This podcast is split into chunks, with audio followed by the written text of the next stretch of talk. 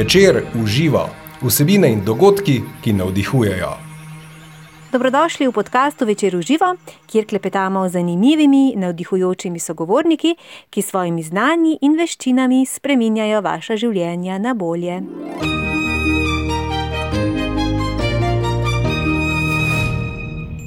Kako pa kaj vaše zdravje in dobro počutje? Če se vam zdi, da niste v najboljši formi, pa bi radi naredili kako pozitivno spremembo v tej smeri, potem je prav, da v naslednjih minutah ostanete z nami. Kajti govorili bomo o tem, kako na naraven način dvignemo in obdržimo dobro razpoloženje in zdravje.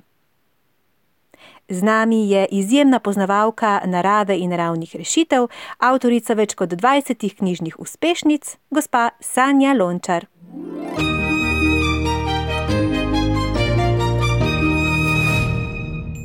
Gospa Sanja, vi že vrsto let se pravi raziskujete naravo, pa me zanima, ali ste kljub vsem mogočim raziskavam in spoznanjem, ki ste jih dobili, vas je kakšna stvar presenetila? Ja, vsak dan me preseneča, se ljudje se delijo na take, ki jih nič ne preseneti, na take, ki jih vsak dan vse preseneča. Uh, vsak dan znova me modrost narave popolnoma fascinira. Trenutno moja gos leže oziroma vali, temu rečem, ja rečem rojeva. In uh, fascinantno je, ko opazuješ žival, mi smo jo izvalili iz valilnika lani, nikoli ni srečala drugo gos, nikoli ni srečala gosaka, morali smo ji dati oplojena jajca na mesto njenih. Ampak ona vse ve. Vse je naravno. A, jaz sem se spraševala, ali to že znotraj ima zapisano v programu, ali to mora sproti downloadati.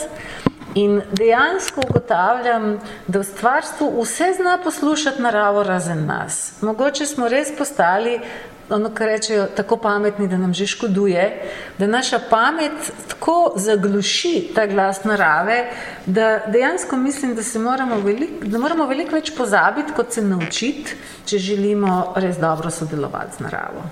In se potem zopet spomnite tega, kako pravite. Vsak dan se ravno tega presenetim. Presenetim se, kako je vse okrog nas tako modro, kako gost, ki je en dan stara, ve, da ne sme ugrizniti strupeno travko. Uh -huh. Lete, zna hoditi, vse že ve, in res vsak dan začutiš večje spoštovanje, ker čutiš, da je ta modrost v zraku, čutiš, da to ni vse že posneto na čipu, da, da vse zna brati ta internet narave, uh, edino mi pravzaprav ne znamo niti vprašanja postaviti. In se pravi, vsi odgovori, tako za zdravje, kot dobro počutje, so že v naravi. Ja, samo moramo mi ta naš vtičnik malo prepucati, da do tega pridemo. Uh, zdaj pa um, zdravje in dobro počutje, se pravi, s tem, da smo intuitivno povezani z naravo, po drugi strani je zelo pomembno, kaj izbiramo, kaj jemo, se pravi, čim bolj naravno zdravo hrano. Tukaj se začne tako mentalno, kot, verjetno, mislim, kot tudi fizično zdravje. Pa me zanima, ampak vsi nimamo dostopa do to vrstne hrane čim bolj naravne, čim bolj biopredelane. Um, kaj, ali se mi sploh zavedamo, verjetno ne, kakšne nevarnosti v obliki hrane prižijo na, na nas z trgovskih polic? Kakšno hrano jemo, gospod Sanja? Lete, v knjigi Sveža zelenjava 365 dni smo začeli s stavkom, ki so ga egipčani imeli na svojih ramih in tam je pisalo: Nikoli ne zauži hrane, ki ti jo je pripravil suženj svečeniki, ne le egipčanski, tudi pozneje, tudi v vseh naših uh, samostanih je bila zapovedana samo skrba, ker kdorkoli je začutil, kakšne moči so v človeku, je odkril, da ti to moč moraš tudi z nečim hraniti. In če jo hraniš s polnilom in mašilom, namesto z živilom, potem naše moči začnejo pešati. Človek je danes kot roža iz rastlinjaka, gledajte, še na sonce se ne smemo narisati, pa takoj smo alergični takšni, pa takoj nas neki moti. Dejansko smo takšni kot paradižnik, ki bi ga zdaj iz rastlinjaka takoj postavil na sonce in uh, tako je v vseh pogledih. Torej, hrana, to, kar nam danes prodajajo kot hrana, je v večini primerov samo mašilo in polnilo in ne more nahraniti vsega tega, kar bi človek v sebi lahko razvijal. To, kar ste rekli, ni nam vsem dostopno. Ja moram nekaj povedati, uh, jaz sem res rojena um, v Vojvodini, ampak v enem zelo nesnaženem mestu, 17 varno, tega večina kemičnih, mislim, zrak je bil tako, da pri nas bo prepovedano odpirati okna. Ja, mislim, da še v Zagorju Tebovju uh, je čudovit zrak v primerjavi s tem, kar je tam bilo.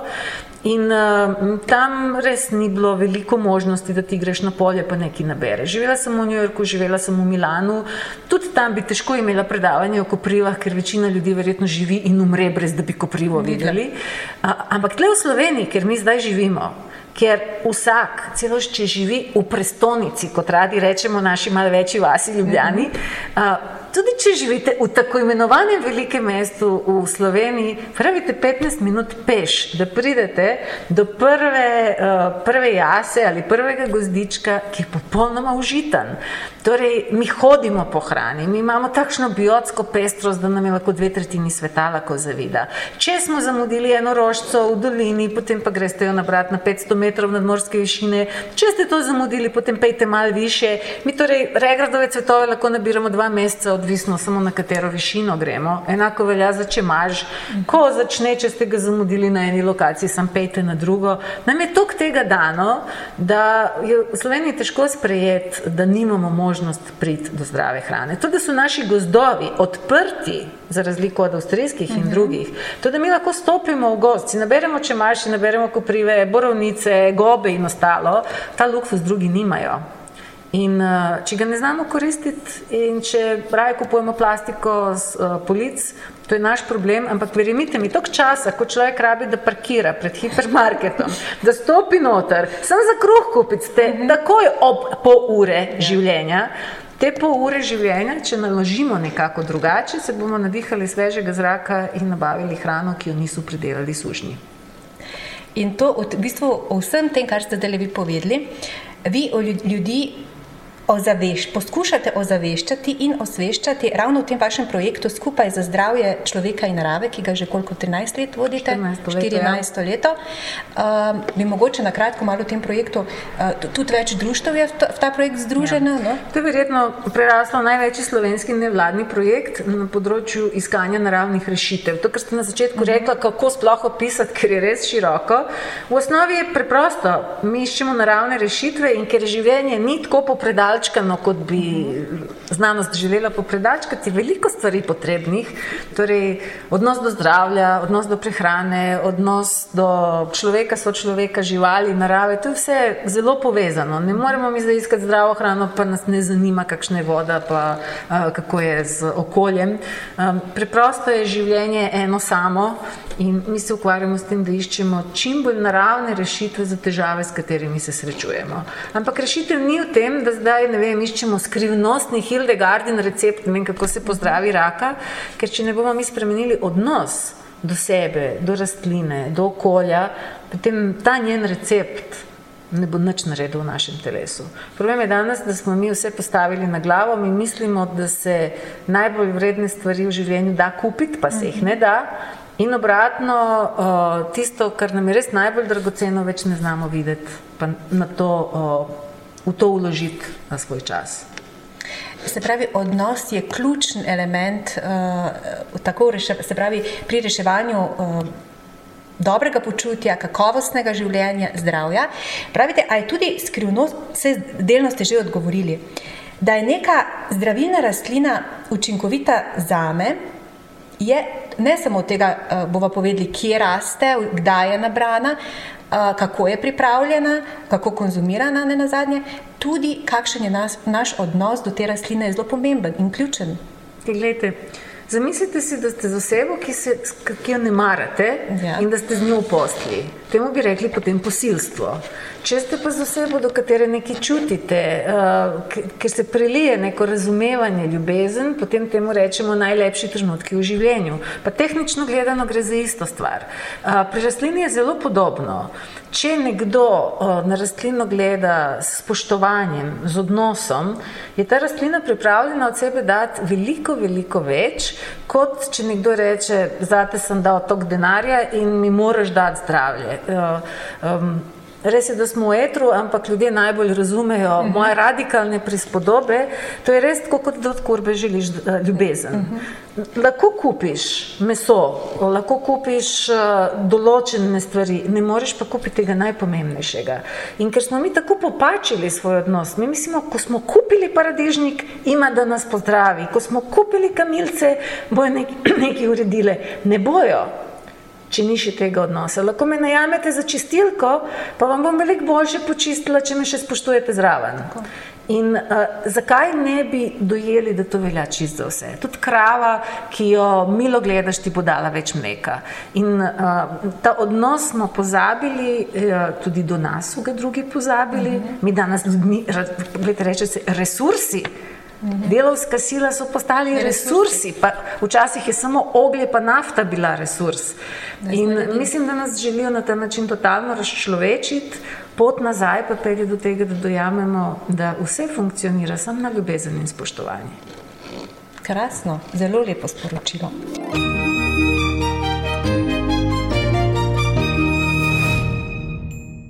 Pa vendarle, gospa Sanja, imamo v Sloveniji, ste že prej mi tudi odgovorili, delno imamo dostop do kakovostnih, da greva konkretno zelišč. Verjetno bolj kot marsikdo v radiju tisoč km. In tega se ne zavedamo, in vi, vi nas spominjate na to. Pa me zanima, uh, ko gremo nabirati zelišča. Zdaj so med nami večji in manjši poznavalci. Uh, uh, zelišč, si, se pravi, želimo zdravja. Um, kako vemo, da je neka rastlina, a, a, na kaj naj bomo pozorni, na velikost vem, uh, rastline, večja je, se pravi, da pomeni, da ima več zdravilnih učinkov, oziroma da bomo bolj uspešno pozdravili neko bolezen, ali kaj, kaj je mogoče en, tist, en tak osnovni kompas, na katerega naj bomo pozorni, recimo pri kamilici. Vete, Bila sem pred leti na enem zelo zanimivem seminarju v Nemčiji, ja. kjer nas je ena izkušena zeliščarica učila, kako je treba pristopiti k rastlinam. Ja. In je rekla: Poglejte, pridete rastlini, ne vprašati, uh, kako ti je latinsko ime, pa kdo so ti mama, pa ata, pa rod, pa vrsta. Pa tako pravi, tudi vas nihče ne vpraša. Vprašajte rastlino, živijo, kako ti je ime, kaj te je življenje naučilo in kaj lahko narediš za me.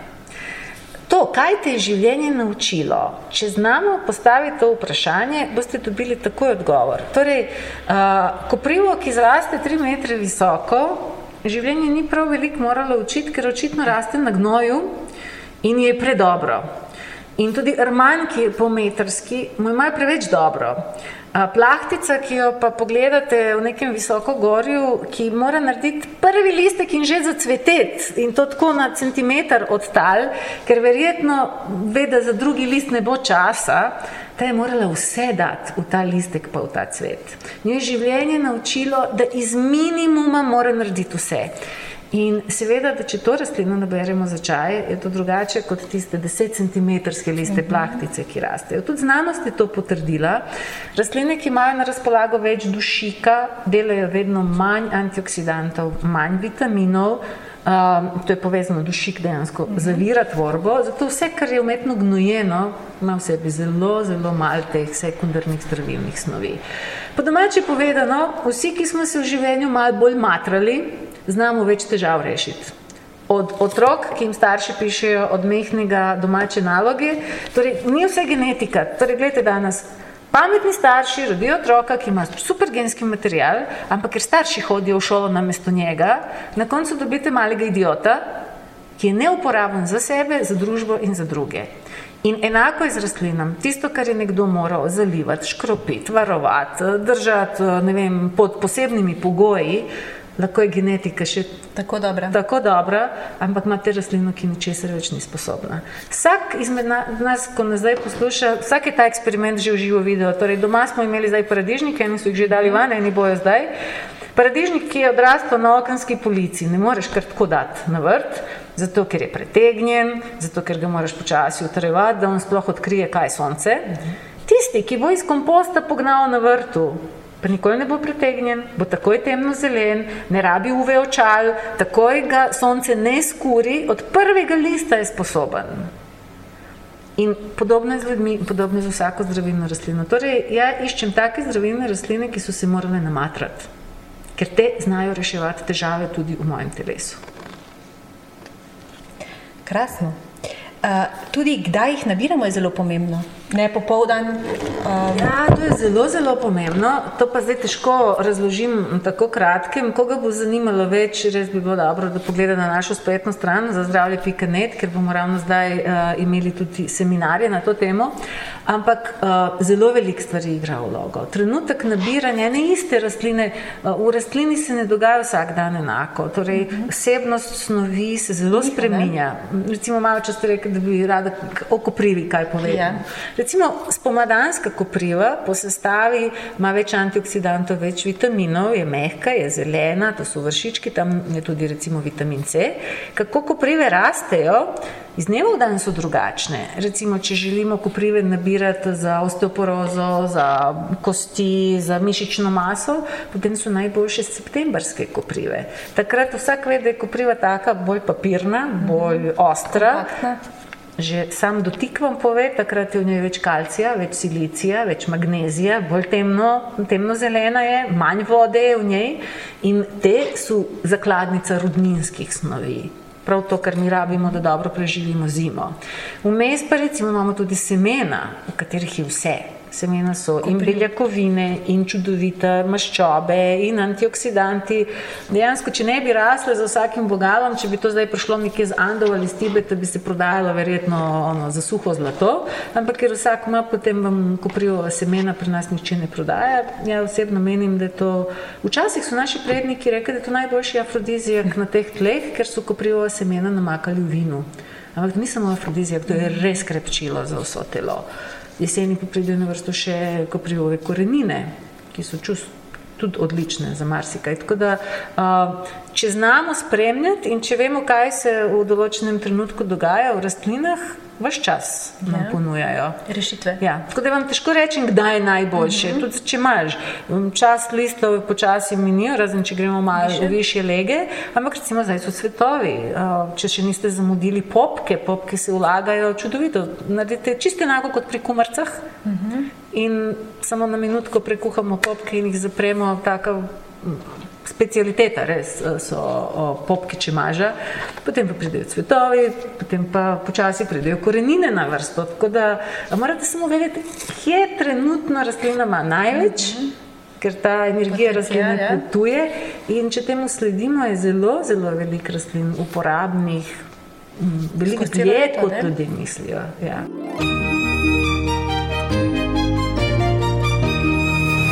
Večer uživa vsebine in dogodki, ki navdihujejo. Vsi smo skoncentrirani na pomlad, ne? verjetno na jesen. Takrat tudi ljudje nekako rabijo, rabimo več, uh, verjetno več podpore, tudi za to. Ja, seveda, baterije čisto ožamemo Zima. čez zimo, ker živimo enim nenormalnim ritmom. Glede, naši predniki so po zimi največ počivali, mm -hmm. poleti pa največ delali.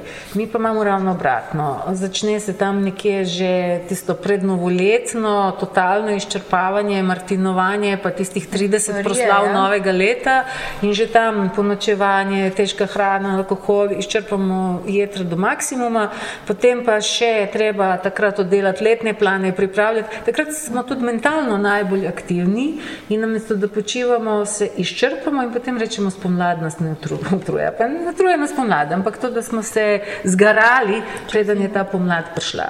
Res je, da narava lahko zelo hitro pomaga, ampak nekaj morate tudi paziti. Uh, ljudje tudi pretiravajo. Celo zimo so bili na mrtvi hrani in potem si naberijo takšno skledo, regrada, če maže vsega.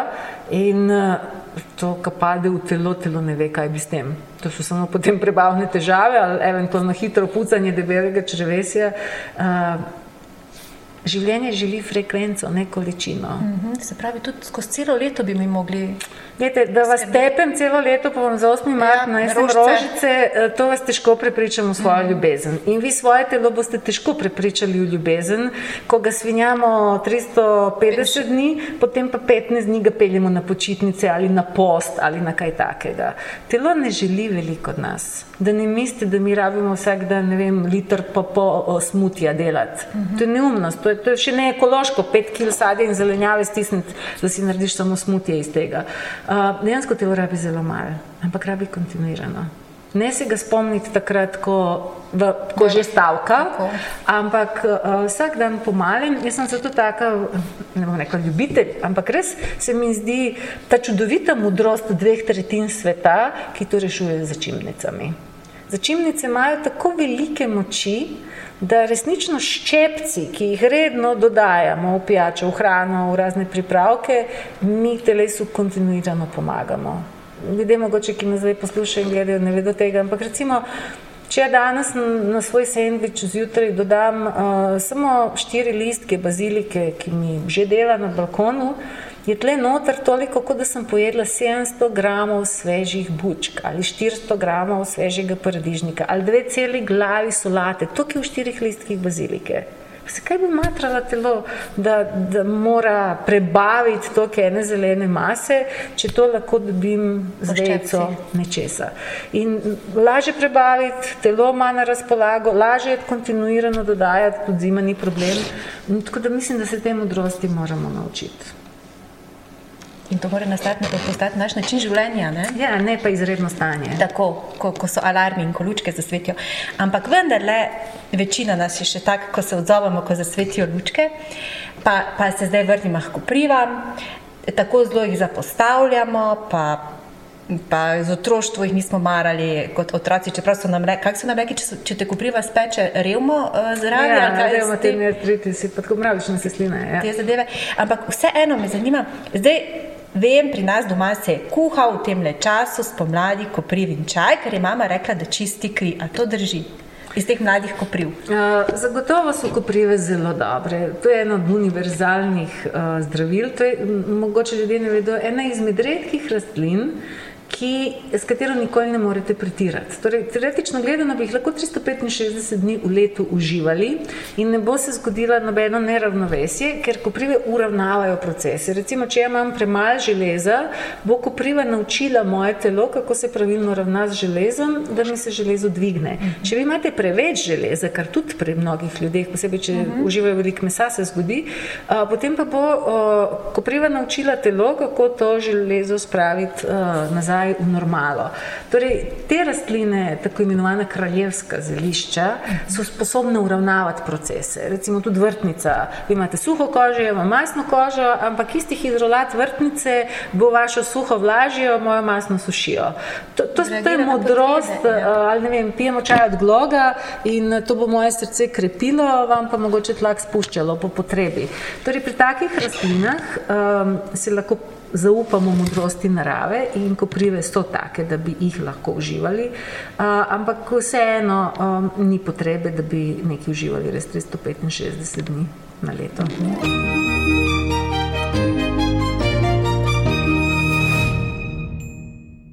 Se pravi, pri kopriva lahko pripravimo čaj.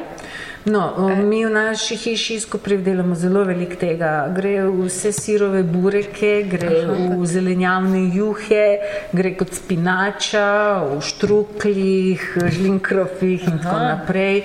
A, Potem pa a, lahko tudi v razne namaze jo dajemo. Um, te posušene zdaj, ki jih imamo še, da se porabi zaloga, torej ko je že nekaj skuhan, ko samo malo tako ostremo v prah ali recimo lahko bi tudi kakšen jogurt jo dali. Zelo veliko pa uporabljamo koprivova semena. Koprivova semena recimo v razno raznih kremah, pecivih ali recimo samo tako, ko je dolg dan, pa človek ne ve, kaj bi pametnega pojedel, včasih na kakšnem sejmu si zamešam samo žlico koprivovih semen v kakšen jogurt. jogurt ali ne, naredim si sadnega, recimo tako, da dam še žlico domače marmelade noter in potem pustim, da eh, ona so taka suha, semena niso ne pekoča, nič, samo so taka žagasta in če jih pustite malo tako namočiti v nečem, potem res dobite zelo, zelo hrano, ki, v, ki vas res drži po koncu cel dan, brez Energijska potrebe, da bi bomba. morali uživati neke neumnosti. Um, tudi to namakanje v vinu, ko so ga naši stari poznali, uh, je čudovita zadeva. Lahko pečemo palačinke tako, da vržemo samo na maščobo, semena pa zalijemo z, z mesjo, pa bojo še take pikaste, zmešamo v riže. Torej, po malem pa kontinuirano. Tako poudarjeno. Ne pa ne vem, v enem dnevu zaužiti tega pol kile. Ne, če, tudi jaz se ne spomnim vsak dan, ampak res, če bi se človek spomnil vsak dan eno žličko tega pojesti, bi mu zelo veliko koristilo. Te modrosti je treba podčrtati. Ja. Uh, in v glavnem, gospa Sanja, te modrosti, ta znanja.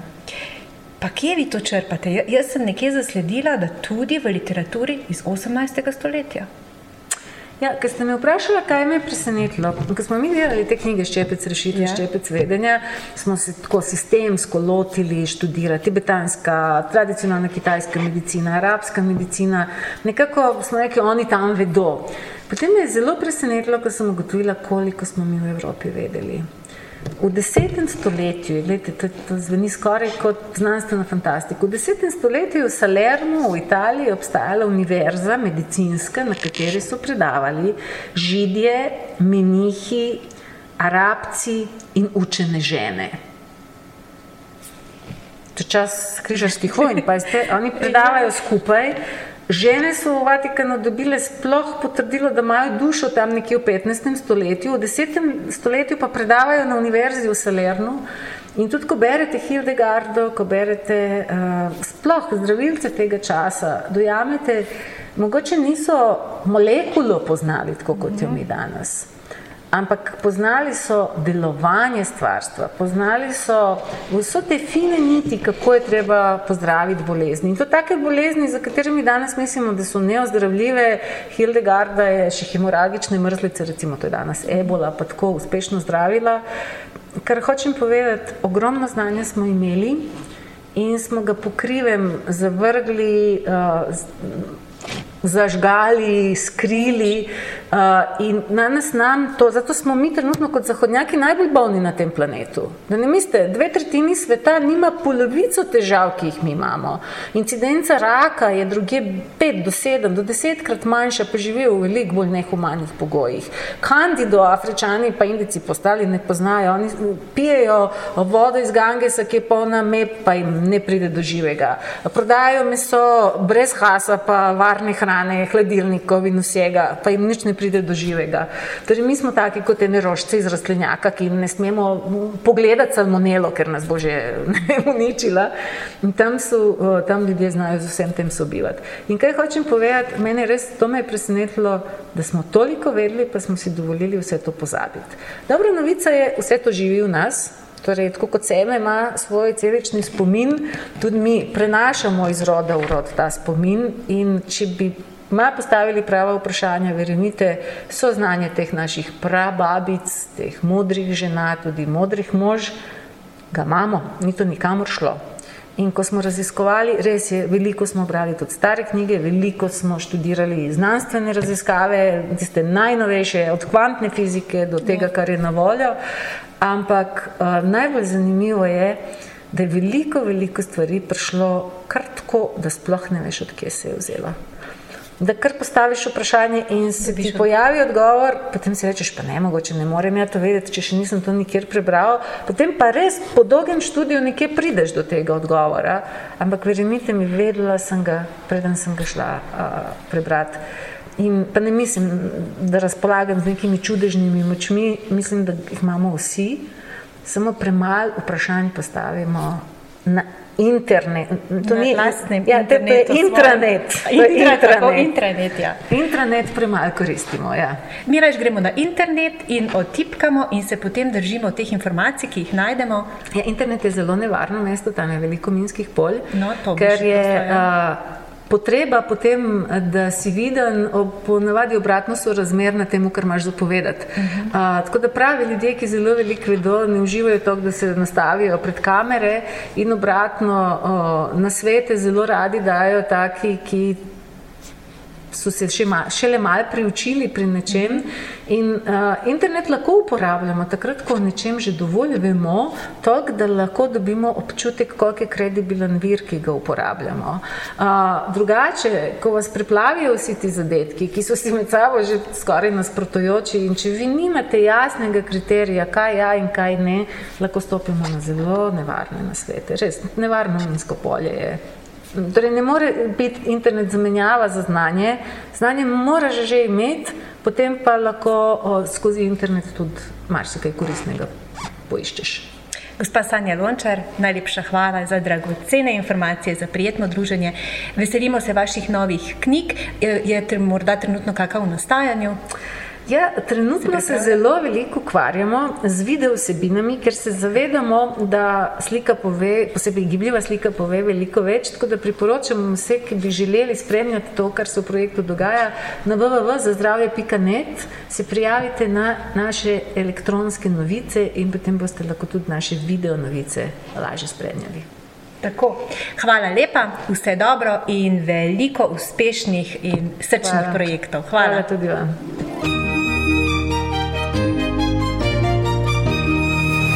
Večer uživa vsebine in dogodki, ki navdihujejo.